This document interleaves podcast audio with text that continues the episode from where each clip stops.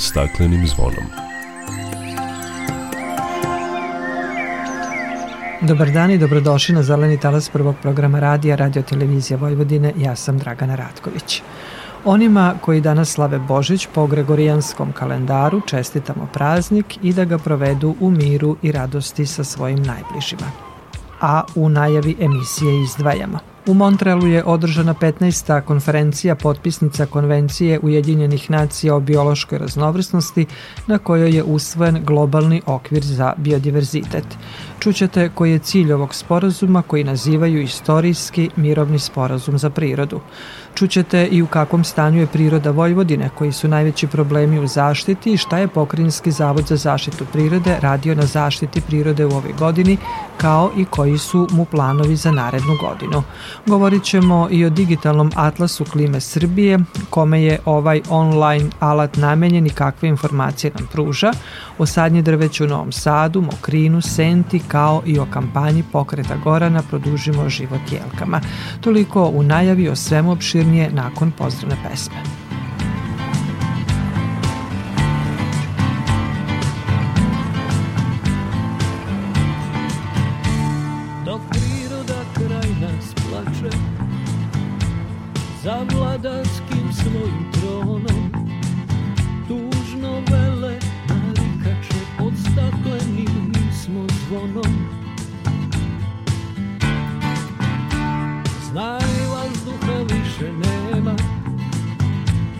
Sve manje je i ozona Protiv sebe ide čovek i to često bez pardona.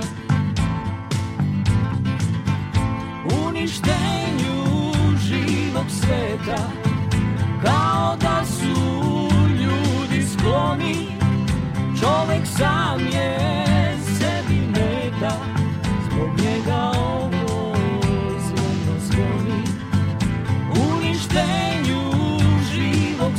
sveta Kao da su ljudi skloni.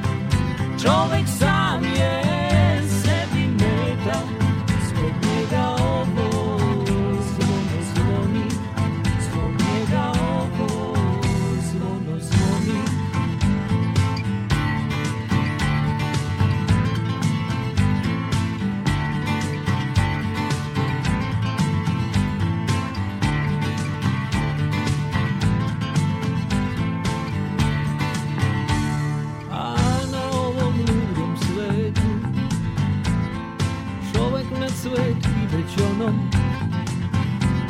Nudimo to detetu Od stakleni kad smo zvonom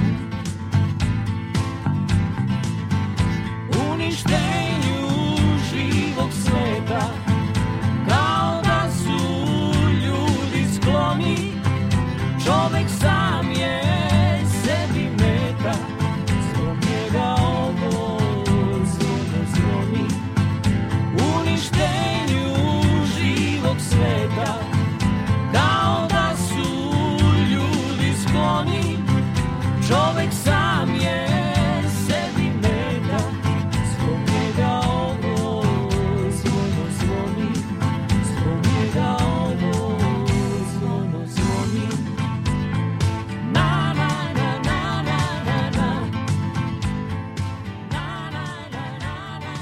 Od 7. do 19. decembra u Montrealu u Kanadi je održana 15. konferencija potpisnica Konvencije Ujedinjenih nacija o biološkoj raznovrsnosti COP15. Nakon skoro dve nedelje pregovora usvojen je globalni okvir za biodiverzitet Kunming Montreal sa ciljem da se zaustavi gubitak biodiverziteta. O svim detaljima sa COPA 15 razgovaram sa direktorom Kancelarije Međunarodne unije za zaštitu prirode za Evropu Borisom Ergom. Gospodine Erg, dobrodošli na Talas Radio Novog Sada. Hvala puno na pozivu i pozdrav svim slušalcima. U Montrealu je održan drugi deo sastanka COPA 15. Kao predsedavajući COPA 15 Kina je održala sastanak prve faze u Kunmingu prošle godine, a drugi deo konferencije o biološkoj raznovrsnosti održan je u Montrealu. Prema podacima IUCN-a više od milion vrsta suočava se s pretnjom izumiranja i onda je bilo i očekivano da su mnogi jedva čekali da se održi ova svetska konferencija o biološkoj raznovrsnosti zbog takvog alarmantnog uništavanja prirode. Dugo se pregovaralo i na kraju je postignut, kažu, istorijski sporazum kojeg su nazvali mirovni sporazum sa prirodom. Da, u neku ruku u skladu sa, sa rečima generalnog sekretara Ujedinjenih nacija vezano za nesklad u našem odnosu sa prirodom. Nadam se da će ovaj globalni, najveći i najznačajniji trenutno globalni sporazum dogovor vezano za, za bio, biodiverzitet, da uredi malo taj odnos i da stvari dovede malo u red i glad. Ovaj, to što ste rekli da DISN još jednom podsjetio, a to je sada i, i poslednji izveštaj međudržavnog panela o biodiverzitetu i uslugama usluga, ekosistemskim uslugama poznati kao IBES, koji dosta podataka uzima od IUCN-a, pogotovo kad je reč o, o stanju vrsta na živog sveta na planeti. On je podvukao još jednom da je nekih milion vrsta ugroženo u smislu nestanka, što su podaci IUCN-ove crvene liste ugroženim vrstama. Kada to povežem sa velikom krizom koja je vezana za klimatske promene, pa onda i sa ovim svim drugim boljkama sa kojima živimo, na i COVID je to pokazao i našu ranjivost i pitanje zdravlja i sigurnosti, i pitanje dostupnosti i sigurnosti hrane. Sve to zajedno zapravo nas stavlja u jednu dosta nezgodnu poziciju u ovom trenutku i negde pojačava tu potrebu da se mnogo ambicioznije krene u zaštitu prirode i očuvanje resursa. I to je sad ovaj kop koji se desio je, je bio mesto za to. Iako isto što ste spomenuli, on je zapravo po nekom rasporedu trebalo da se desi još 2020. godine, a da sada 2022. da bude 16. kop od potpisnica konvencije o biološkoj raznovrstnosti, ali dobro desio se. Tako da kada pogledamo sve zajedno, pregovori su trajali ne samo dve nedelje u Montrealu, nego su trajali prethodne dve godine. Za one koji su bili u, u pregovorima, koji su učestvovali, pratili, znaju kako su bili teški zapravo, tako da je ovaj ispod, ovaj rezultat i dogovor globalni ili svetski okvir za biodiverzitet i više nego zadovoljavajući ispod. Kažu, pregovori su bili teški, oko čega su se sporili učesnici konferencije najviše? Prethodni dogovor koji je postojao je zapravo, to su poznati ovaj AIČI ciljevi koji su, ajde okvirno negde doneseni za period 2010-2020 godina i koji su sadržavali nekoliko ciljeva vezano za očuvanje biodiverziteta, korišćenje prirodnih resursa, dobiti od korišćenja prirodnih resursa, pristupa informacijama, učešća i slično, ali su samo na malom delu bili precizirani. To je onaj deo koji se tiče zaštićenih područja i cilj od 17% kopna, odnosno 10% mora, okeana, morskih ekosistema da bude zaštićeno. U ostalim ciljeve on bio više opisnog karaktera. To je ono što smo hteli da izvrgnemo ovaj put, znači da, da sada dogovor za naredni 10 godina sa, sa nekim pogledom do 2000 2050. godine bude precizniji. I to je naravno onda dovelo do toga da pregovori budu mnogo teže. Znači nisu jasni numerički ciljevi postavljeni samo vezano za to koliko bismo da zaštitimo i koji su nam ciljevi vezano za zaštitu kopna i mora, nego i koliko vrsta, koliko da se smanji rizik od, od iščeznuća vrsta, koliko degradiranih prirodnih ekosistema da se revitalizuje, koliko novca treba da se ubaci u čitav sistem i slično. I naravno, kad je reč o brojkama i konkretnim razgovorima, onda stvari postaju teže vezano za pregovore. Šta su ciljevi i zadaci postignutog, postignutog sporazuma? Da ponovim, opšta je ocena većine učesnika da je ishod zadovoljavajući i da sadašnji okvir da postavlja dobre smernice za, za ostvarenje određenih ciljeva. To ciljevi koji su sadržani u samom dokumentu tiču se nekoliko pravaca delovanja. Onaj koji je uvek bio tu i koji je sad pojačan je taj vezan za, za pokrivenost zaštićenim područjima i lestvica je podignuta na 30%, znači 30% mora i kopna tim što je u tom pristupu je sada dodato još nešto, do sada smo imali zaštićeno područje u klasičnom smislu kako ih poznajemo nacionalni parkovi, parkovi prirode i slično, izvanično proglašena zaštićena područja, a sada je ubačena i nova kategorija koja bi u prevodu bila druga područja kojima se efikasno upravlja. To je novi pristup i on podrazumeva područja koje ne moraju biti zvanično proglašena kao zaštićena područja, ali se njima upravlja na način da doprinose očuvanju biodiverziteta, mogu biti kopneni, mogu biti vodeni ekosistem, recimo Mi znamo danas da su područja kojima upravljaju urođeničke populacije zajednice, da one doprinose, neki kažu čak između 60 i 80 procenata učuvanju biodiverziteta na planeti. To su široka prostranstva, Amazonije, Konga i slično, koje nisu zvanično proglašene kao zaštićena područja, ali su naseljena tradicionalnim zajednicama koja koriste resurse i koja zapravo i čuvaju resurse na tim možda i najvažnijim područjima za biodiverzitet na planeti i slično. Tako da imamo tih 30% kopne i mora. Osim toga imamo isto tako 30% degradiranih ekosistema da se revitalizuje, što je izuzetno ambiciozan i, i sjajan cilj. Imamo takođe smanjenje stranih invazivnih vrsta za 50% i ono što je bitno imamo da se globalna zajednica obavezala na 200 milijardi dolara svake godine za, za zaštitu prirode, plus 500 milijardi investicija koje postoje danas u raznoraznim oblastima koje negativno utiču na biodiverzitet, kako bi se sve zajedno došlo od tih 700 milijardi koliko se negde okvirno smatra da je potrebno za efikasnu zaštitu planeta. Ovaj sporozum e, nadamo se da će uspeti i pomoći u izgradnji zajedničke budućnosti za ceo život na zemlji kako je glasila tema ove konferencije. Na kraju smo 2022. godine. Kakva je vaša ocena o stanju biodiverziteta? Da li se uništavanje prirode nastavlja u kontinuitetu ili je nešto urađeno na tome da se zaustavi uništavanje prirode i biološke raznovrsnosti? Svi pokazatelji u ovom trenutku govore da je biodiverzitet u padu još uvek.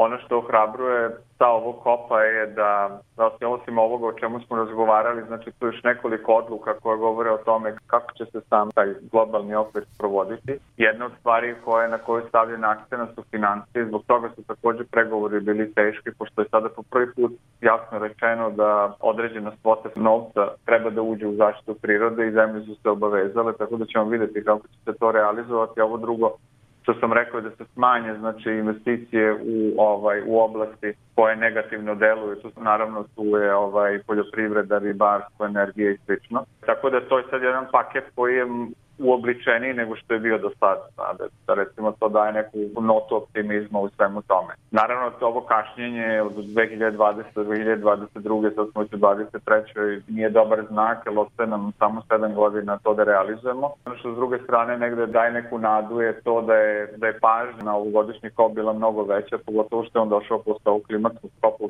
el Sheikhu gde znamo da nije bilo nekog presudnog rezultata na kraju, ali je ta svest o tome da, da klima i biodiverzitet kriminaliteta da idu ruku pod ruku u smislu koliko nas ugražavaju je, je više nego jasna. To je negde pozitivno u čitoj priči. Ono što je takođe bilo vrlo zanimljivo to je, to je recimo učešće privatnog sektora koje je bilo nikad veće. Na ovom kopu bio čito forum, jedan paralelni događaj koji se pitao biznisa, oni su bili apsolutno prisutni u svim, svim razgovorima, svim diskusijama i vidi se mnogo veći interes biznisa, jer kažu da 90% ova svetska ekonomija je bazirana na prirodnim resursima, tako da je njihov, njihov interes u očuvanju resursa je, je više nego jasan. S druge strane, njihov uticaj na, ovaj, na smanjenje biodiverziteta isto tako više nego jasan, tako da je taj, taj nesrazmer je nešto što, što sve više i više biznisa pokušava nekako da reši. A drugi deo, i to isto bio paralelni forum, bili su predstavnici lokalnih samuprava, regionalnih administracije i slično. To je bilo vrlo, vrlo zanimljivo da se čuje recimo koliko gradova, opština, regije u svetu danas već samostalno donosi odluke, razvija planove za biodiverziteta biodiverziteta, podiže kapacitet, kreira mehanizme za, za sprovođenje i slično. Znači jedna svest na, na nivou administrativnom koji do sada nije bio prisutan. Obično je bilo da se globalno donese neki dogovor, onda imate državu koja to preuzme na, na određen način i onda imate sprovođenje negde u lokalu, a ta karika između koja je zapravo izuzetno bitna, ona je uvek nedostajala, ne? Tako da je to velika razlika u ovom trenutku. Tako da to daje neku nadu i neku pozitivnu notu u svemu tome. Dakle, 2022. godinu završavamo sa jednom velikom nadom i verom da će u budućnosti biti bolje s obzirom da je eto postignut, kako kažu, taj istorijski sporazum, mirovni sporazum sa prirodom od kojeg bi na neki način možda i počela veća zaštita prirode i biodiverziteta. Gospodine Erg, hvala vam lepo za razgovor i učešću u programu Radio Novog Sada i želimo vam svako dobro u novoj godini u nadi da ćemo i dalje ovako sarađivati uspešno kao što je to bilo u 2022. Hvala i vama na pozivu i evo na kraju samo da kažem da možemo malo umireniji da odemo na praznike, da se opustimo, ali već odmah prvi dan nakon povratka treba se zasučemo u rukave i da se se bacimo na posao.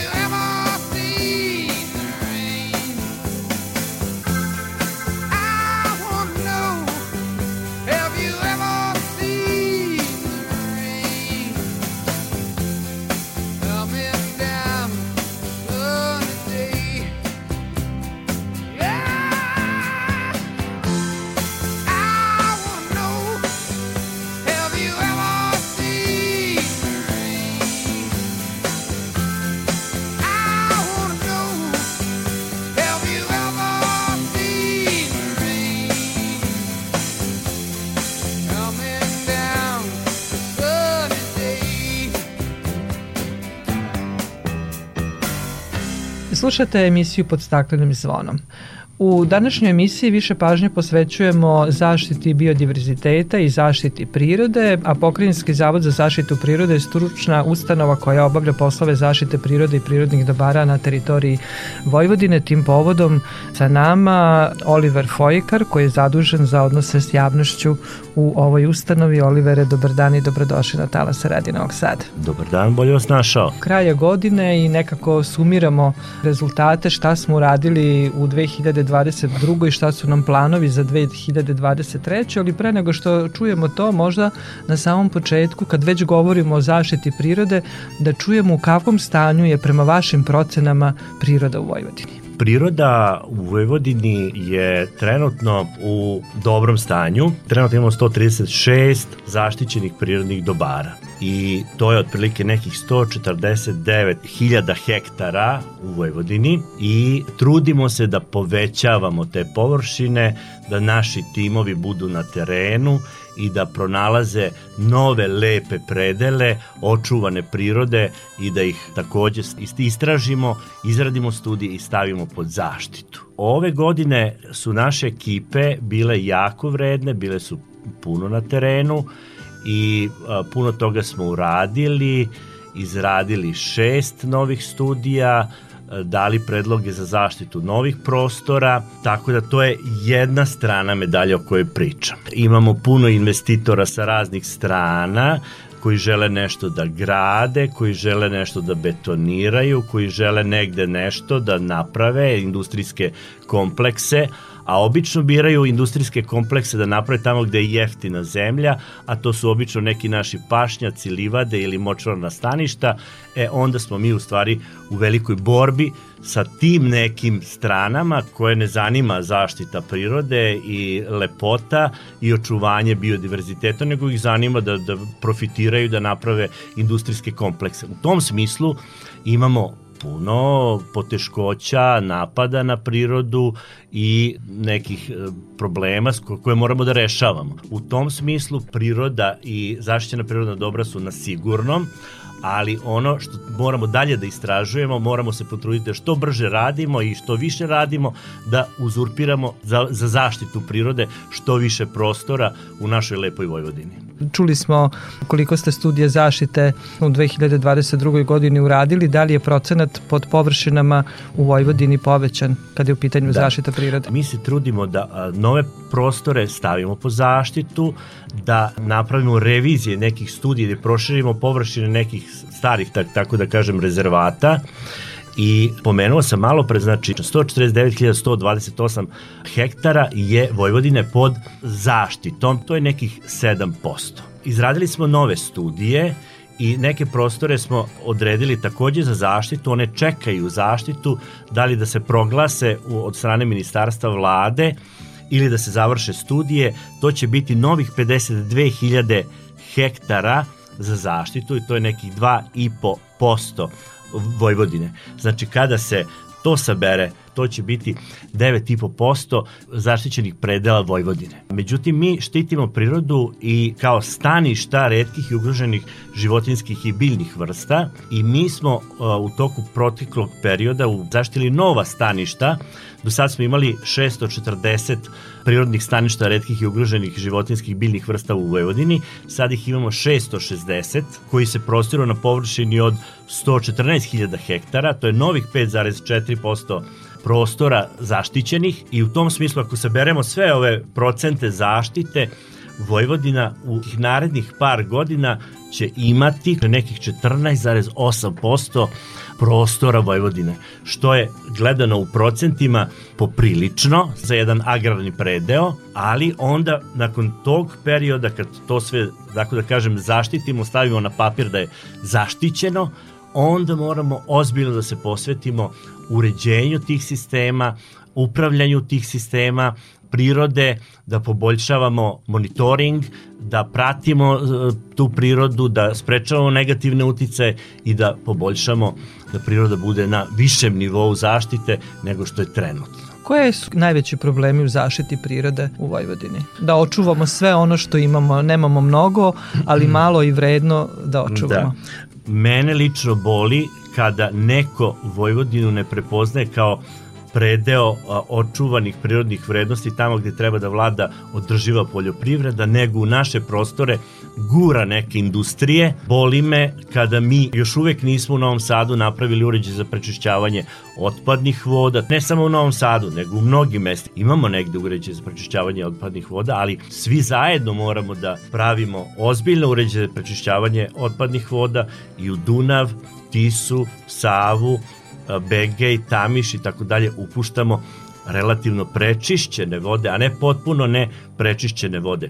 To su takođe problemi. Problemi u Vojvodini u zaštiti prirode, sad ću da spustim na jedan malo niži nivo, a, imamo sa neodgovornim ljudima koji truju šakale ili truju životinje po atarima, pa nam stradaju orlovi krstaši, orlovi belorepani, a toga smo imali u zadnje vreme dosta i, i iskoristit ćemo i ovu priliku da apelujemo na krivolovce i na one koji se bave tim poslovima trovanja e, šakala ili nekih drugih sitnih sisara da ne rade to. Nekada smo se trudili da u Vojvodini napravimo što više poljoprivrednog zemljišta, tako što ćemo isušiti močvare. Sad smo mi ljudi promenili mišljenje i želimo da sačuvamo takva močvarna i vlažna staništa, ali ni ne da bi smo tu pravili zasade euroameričke topole, nego mi sad već znamo da moramo da tu pravimo zasade nekih a, autohtonih sorti, kao što je neka uh, bela topola, neka crna topola, neki jasen i to kolege šumari mnogo bolje znaju. Došlo je vreme da se to polako menja i da se na, na, umesto tih zasada euroameričkih topola po Vojvodini uvode neke druge vrste i neki drugi način uzgoja šuma. A u stvari to, to jeste za uzgoj šuma, to su u stvari plantaže. Mnogo je posla kada je reč o zaštiti prirode i zaštiti e, prirodnih dobara, ali moram priznati da u poslednje dve, tri godine e, mnogi su se vratili u prirodu i mnogo više vremena provode u prirodi i shvatili su značaj prirode tokom ove pandemije koju smo imali, što je isto tako lepo i što možemo da kažemo da sve više ljudi želi da vremena provodi u prirodi, između ostalih u brojnim zaštićenim prirodnim područjima koje imamo. Dobro je da su ljudi to shvatili, da žele da budu van velikih gradova i da, da, da žive u nekoj prirodnoj sredini priroda nas leči, priroda nam pomaže, u prirodi se dobro osjećamo i treba da nastavimo sa tom praksom. Edukacija mladih naraštaja je, možda nekom deluje smešno, kaže mi sad edukujemo decu od malih nogu, ali moramo tako raditi da im se usadi to i ono što smo videli na stadionima posle japanska nacija, od svih tih nacija 30 nešto, oni idu da skupljaju otpade na, na stadionu koji nije njehovi, nije, nisu u Japanu, oni to skupljaju, pa oni su puno radili na svojoj edukaciji, pa su došli do tog nivoa svesti da, da su jako odgovorni i boli ih to što je neko bacio papir i što je bacio flašu od piva, pa on ide da skuplja. E sad, i mi Vojvođani, ili mi u Srbiji narodi kad postanemo znatno svesniji da ovaj sačuvamo, da, da ne bacimo, da kad odemo u prirodu i tuđe pokupimo, bit će nam bolje. Šta ste planirali kada je reč o zaštiti prirode za 2023. A što se tiče zaštite prostora i prirodnih dobara, naše ekip nastavljaju u sledećoj godini da istražuju slatine šajkaške, to su slatine oko žablja i mošorina to je nekih novih 2600 hektara. Zatim Novoselski rit, Slatine kod Moravice, kod Vatina i Selišta, otprilike 1160 novih hektara. Naše ekipe gledaju da a, prošire specijalne rezervat prirode Deliblatska peščara. Zatim travna staništa a, uz Brzavu, to je u Banatu prema Rumuniji, što se tiče plana i programa novih prostora, kao što vidite to su To su slatine, to su neka močvarna staništa, to su pečarska staništa i to je ono što naše ekipe žele da urade u narednoj godini. Naše ekipe intenzivno rade i na pomoć izbrinjavanju redkih i ugroženih strogo zaštićenih životinskih vrsta. Životinje se leče, puštaju u prirodu i takvih smo imali primeraka 113 u toku prethodne godine. Ekipe nastavljaju i dalje da rade želim da pomenem i neke vrste koje su nam jako bitne. za biodiverzitet Vojvodine, a na što ćemo obratiti pažnju u 2023. godini. Od biljnih vrsta slatinska palamida, banatski božur koji živi na, u Delivlatskoj peščari, jesenji zumbul, kukurjak, zatim peščarski mrazovac, peščarska perunika. Ideje su nam takođe veoma zanimljive, zatim od ptica. Jako obraćamo pažnju na veliku droplju, na stepskog sokola, na krstaša, na orla kliktaša, na muharice i tako dalje i tako dalje. Što se tiče riba, zanimljive su nam neke vrste koje nisu zanimljive, dakle da kažem pecarošima, ali nama su zanimljive jer su indikatori čistih voda, crnka, umbra, krameri koja se nalazi na Zasavici, ali je tražimo gde se nalazi još po, po Vojvodini.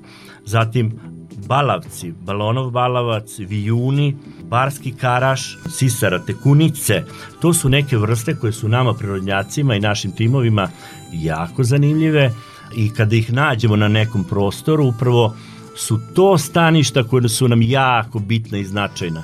Moram reći da ljudi u zavodu su biolozi, geografi, paleontolozi, ljudi šumarske struke, poljoprivredne struke, ali svima je zajedničko da jako vole prirodu, da se trude da sačuvaju, da očuvaju, da rade profesionalno ja vam e, želim da nastavite tako uspešno da radite na zaštiti prirode Vojvodine i svako dobro u novoj godini i na, nastavimo ovu saradnju koju smo imali do sada. Hvala najlepše i mi vama želimo da se družimo narednih godina, da pratimo našu prirodu, da je čuvamo zajedno i da je sačuvamo. Hvala vam lepo. Hvala vama.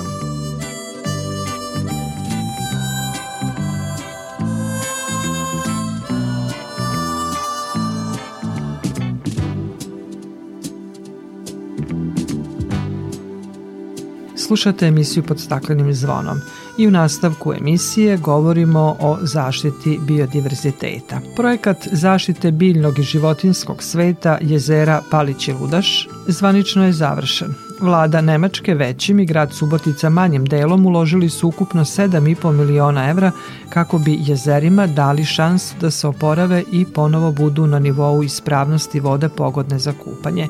Poboljšanja u tom smislu ima, a kada će se kupači vratiti na obale, to još niko sa sigurnošću ne može da kaže, javlja nam Boris Šuman.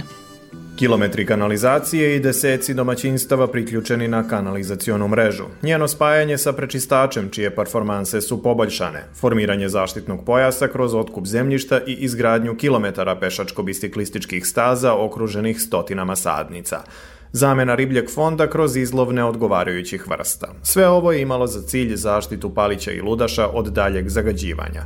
I u tome se uspelo. Ali to je i dalje daleko od kvaliteta vode pogodnog za kupanje. O tome govori konsultant na projektu Marko Stojčić. Cilj projekta nije bio dovođenje vode na nivo vode za kupanje. To je jedna stvar u, u kojoj ovaj projekat ne učestvuje. Projekat učestvuje da se zaštiti flora i fauna ovog područja, znači Palićkog i Ludaškog jezera i da se omogući da živi svet e, u svojim prirodnim uslovima i dalje se razvija.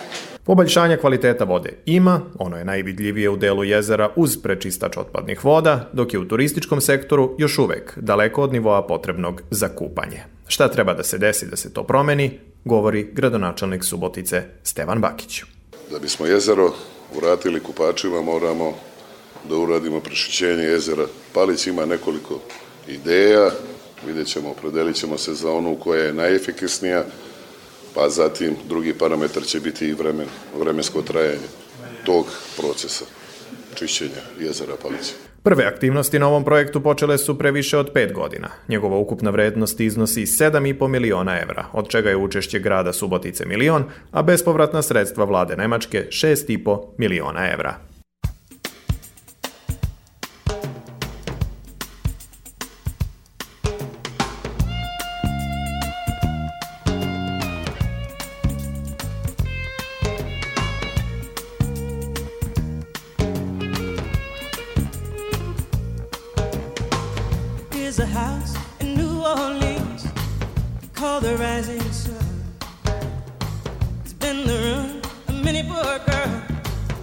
still got am one. My mother, she's a tailor. She sews those new blue jeans. My father, he's a gambling man down in New Orleans. The only thing a gambler needs is a suitcase and a trunk. The only time he's ever satisfied is when he's on a drum.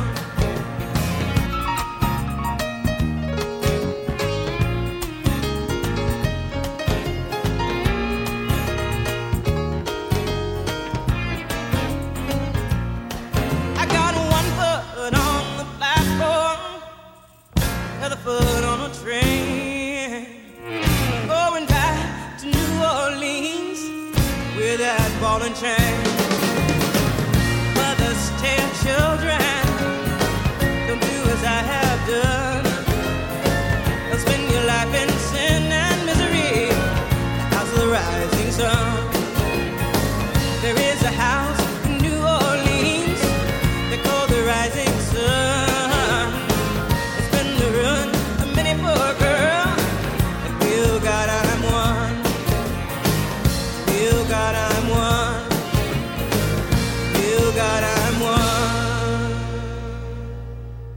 Slušate emisiju pod staklenim zvonom.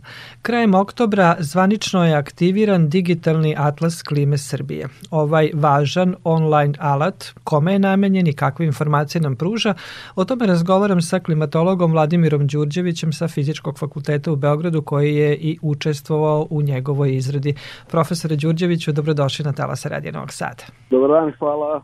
Digitalni atlas klime Srbije kažu važan je u razvoju klimatske pismenosti. On omogućava se obuhvatno i besplatno informisanje o klimatskim promenama i njihovim posledicama u našoj zemlji. Profesore Đurđeviću, koje informacije možemo dobiti koristeći ovaj online alat? U stvari šta podrazumeva digitalni atlas klime Srbije?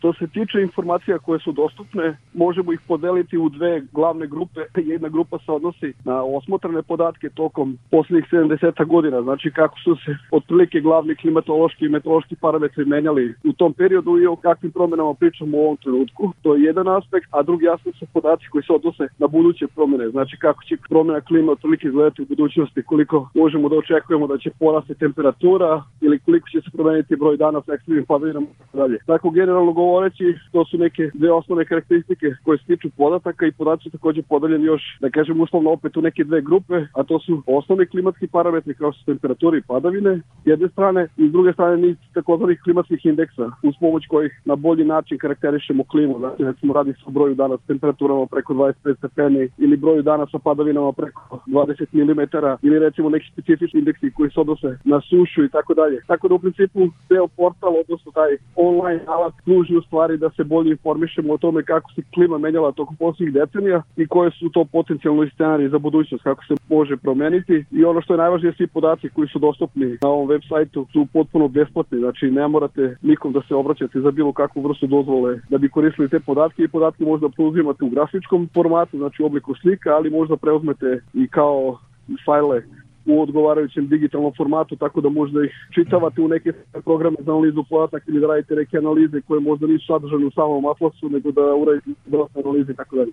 Kome je onda digitalni atlas klime Srbije namenjen? Da li samo meteorolozima? Pa ne, ideja je bila u stvari da potencijalni broj korisnika bude što veći. Ideja je bila prvenstveno da se podaci koriste recimo na, na nekom lokalnom nivou, zato što mogu i na, na taj način da se analiziraju, znači mogu da se analiziraju promene na nivou pojedinačnih opština i da potencijalno donosioci odluka u opštinama koriste te informacije da bi možda napredili neke svoje planove koji se odnose na prilagođavanje na klimatske promene, znači da bi bolje sagledali koji su to rizici na njihovoj teritoriji po pitanju klime, ali s druge strane pored, da kažemo, ovih korisnika koji su nekako bili u prvom planu na početku, u stvari Atlas mogu da koriste manje više svi, pošto je e, napravljeno na način da, da informacije budu, da kažem, relativno jasno razumljive, tako da od najšire populacije koju interesuje ova tema preko istraživača koji mogu da koriste slobodno podatke da bi radili neke specializovane istraživanja po pitanju klimatskih promena, Atlas može da se koristi i, i edukativne svrhe manje više na svim nivoima opet i obrazovanje, zato što neke te bazične informacije su vrlo lako dostupne, tako da može se koristiti čak recimo i u osnovnim školama školama u, u višim razredima da bi se učenicima možda demonstrirala priča o klimatskim promenama, zatim može i na fakultetu studenti koriste za neke svoje vežbe i tako dalje. Tako da ima potencijalno puno korisnika, čak mogu da koristi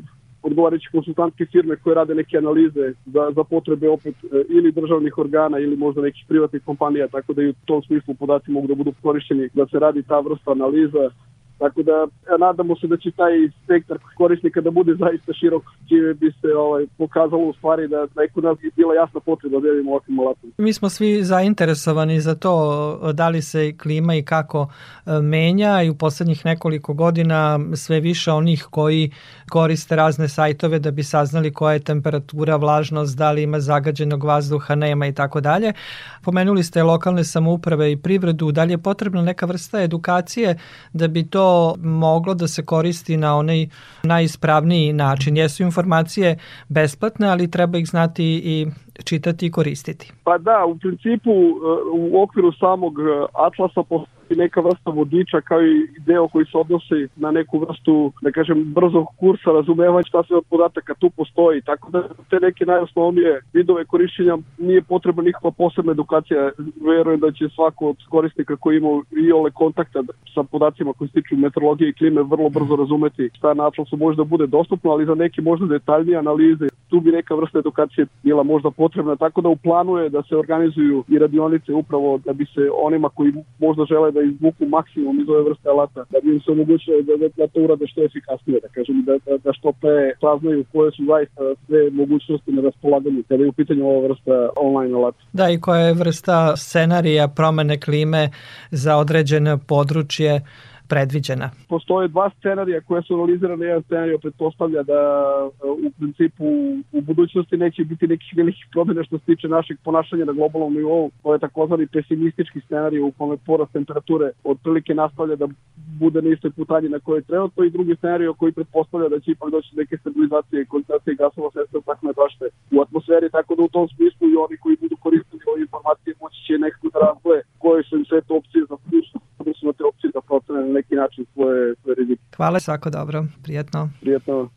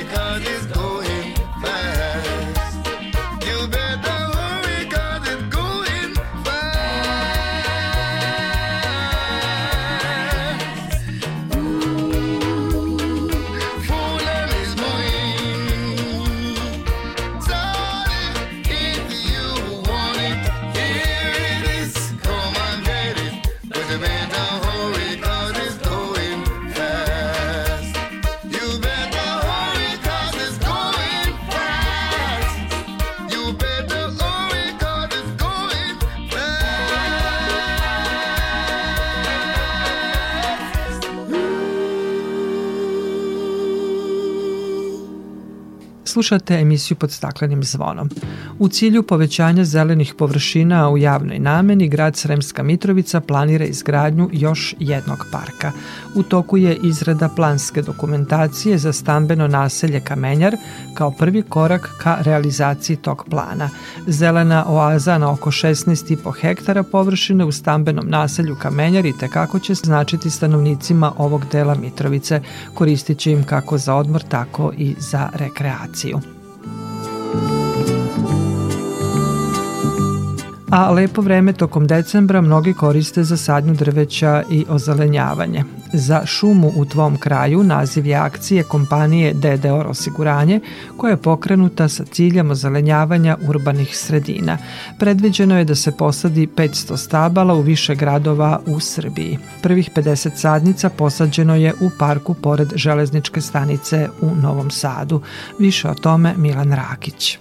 Sadnjom mladih sadnica u gradovima Srbije kompanija DDOR želi da doprinese podizanju kvaliteta životne sredine, ističe član izvršnog odbora te firme Goran Ivanović. Ono što je interesantno, svi naši građani, da kažem u Republici Srbiji, imali su pravo da kandiduju, odnosno nominuju svoje gradove i svoje opštine ovaj, za ovu akciju i mogu posebno da iskažem zadovoljstvo da je naravno naš grad bio među 10 gradova koji je dobio najviše glasova i evo tim povodom sadimo 50 sadnica drveća.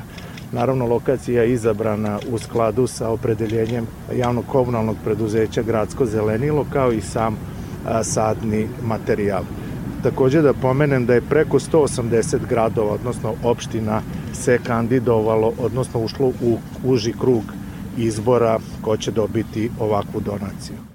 Grad Novi Sad vodi računa o zaštiti životne sredine. Iz budžeta se izdvaja značajan deo novca u te namene, istakao je gradonačelnik Milan Đurić. On je istakao da je briga o prirodi ujedno i briga o zdravlju građana i pozvao sve društveno odgovorne kompanije da slede primer DDOR-a kada je reč o akciji sadnje za šumu u tvom kraju. Na taj način mislim da dajemo doprinos učuvanju i zaštiti životne sredine, jer svi zajedno možemo da doprinesemo da grad bude zeleniji, zdraviji i koliko je to danas važno za nas, mislim da je važno i da ostavimo nekima koji će živeti posle nas. Napomenuo bih takođe da smo mi 2020. godine pokrenuli akciju Živimo parkove, gde smo osnovnu ideju hteli da spovedemo da parkove koji postoje, da ih unapredimo, da ih renoviramo, rekonstruišemo. DDOR će nastaviti sa sličnim akcijama i u narednom periodu, zbog toga što je briga o prirodi jedan od prioriteta te firme.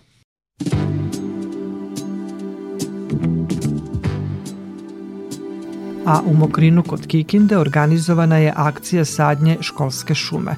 Tako su učenici osnovne škole Vasa Stajić posadili oko 400 sadnica topole, hrasta, bresta i dafine. Ciljevi akcije su da deca kroz praktičan primer nauče o značaju zdrave životne sredine, ali i da se povećaju površine pod drvećem najmanje pošumljenog dela Evrope. O tome Lidija Vučković. Đaci osnovne škole Vasa Stajić iz Mokrina deo nastave proveli su u prirodi, u delu sela pod nazivom Nekina bara. Zahvaljujući njima, taj deo Mokrina sada će imati drugačije ruho. Danas smo došli da sadimo šumu, pošto drveće daje kiselnik, da posadimo što više šuma, da imamo što više kiselnika. Za razred je prvi put, ali ja sam već učestvovala u toj sekciji sađenja šume Crna bar. Zato što nam proizvodi kiseonik, lišće i bit će lepo kad bude nekih biljaka. Drveća se sade da, da bi imali vazduha. Ovo radimo za, zbog kiselnika i kako bi bilo lepše, a i meni nije teško i sviđa mi se zato što nekako lepšavamo prirodu. Aktivan čas u prirodi u Mukrinu bio je prava prilika da se o zaštiti životne sredine uči kroz praksu, objasnila je učiteljica Jadranka Srbljin na očigledan način bit će im najbliže i najlakše pristupačno ono šta rade i kako se dešavaju procesi u prirodi i koliko vremena treba. Sadnje školske šume akcija je koju Sekretarijat za zaštitu životne sredine u Kikindi sprovodi od 2014. godine. Šuma u Mokrinu je devete po redu, tako da su gotovo sve škole u Kikindi i okolini obuhvaćene tom akcijom, rekli su Miroslava Narančić iz Sekretarijata za zaštitu životne sredine. Ovde smo oko 400 sadnica topole, hrasta, bresta i dafine posadili. Dafina je vrsta vrbe što ima plod sličan maslini, pa vrlo često pitaju koja je to vrsta i šta je to u stvari nešto, nešto novo što uvodimo na naše podnevlje. Dejan Ivanović, predsednik Saveta mesne zajednice Mokrin. To znači da e, budimo svest kod naših meštana koliko je zaista važno da imamo neku šumu, da imamo kiseonik, da imamo zdravu sredinu, da učimo ovu mladu decu da budu svesni toga, da čuvaju to. Udruženja građana u Mokrinu više puta godišnje organizuju akcije pošumljavanja. Tako se povećavaju površine pod drvećem najmanje pošumljenog dela Evrope.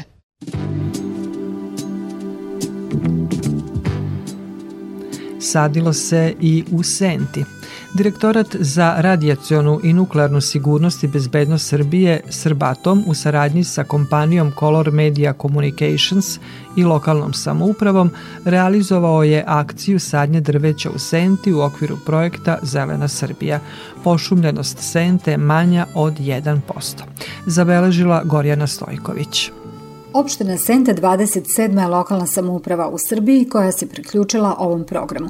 Kod zgrade kompanije EPS Elektrodistribucija zasađeno je 30 sadnica platana starosti gotovo 6 godina, rekao je član opštinskog veća Sente Sebastian Stantić. Smatramo da je zelena infrastruktura istog je značaja kao i ostala infrastruktura, a ovaj kanali, šume, drvoredi su isto, isto toliko važni kao što su i putevi, razne gasne linije ili za struju ili kanalizacije ili za vodu i zato podržavamo i ovakve akcije kao što je ova. Jedan od ciljeva projekta Zelena Srbija jeste da se sadnjom drveća doprinese očuvanju životne sredine, rekao je Predrag Ivanović iz Direktorata za radijacionu i nuklearnu sigurnost i bezbednost Srbije Srbatom. Ovo jeste simbolično.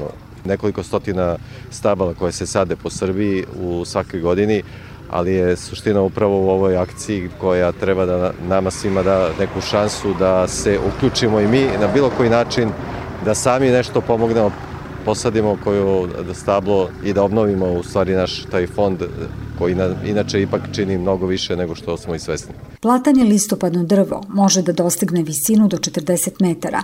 Njegov životni vek je 500 godina.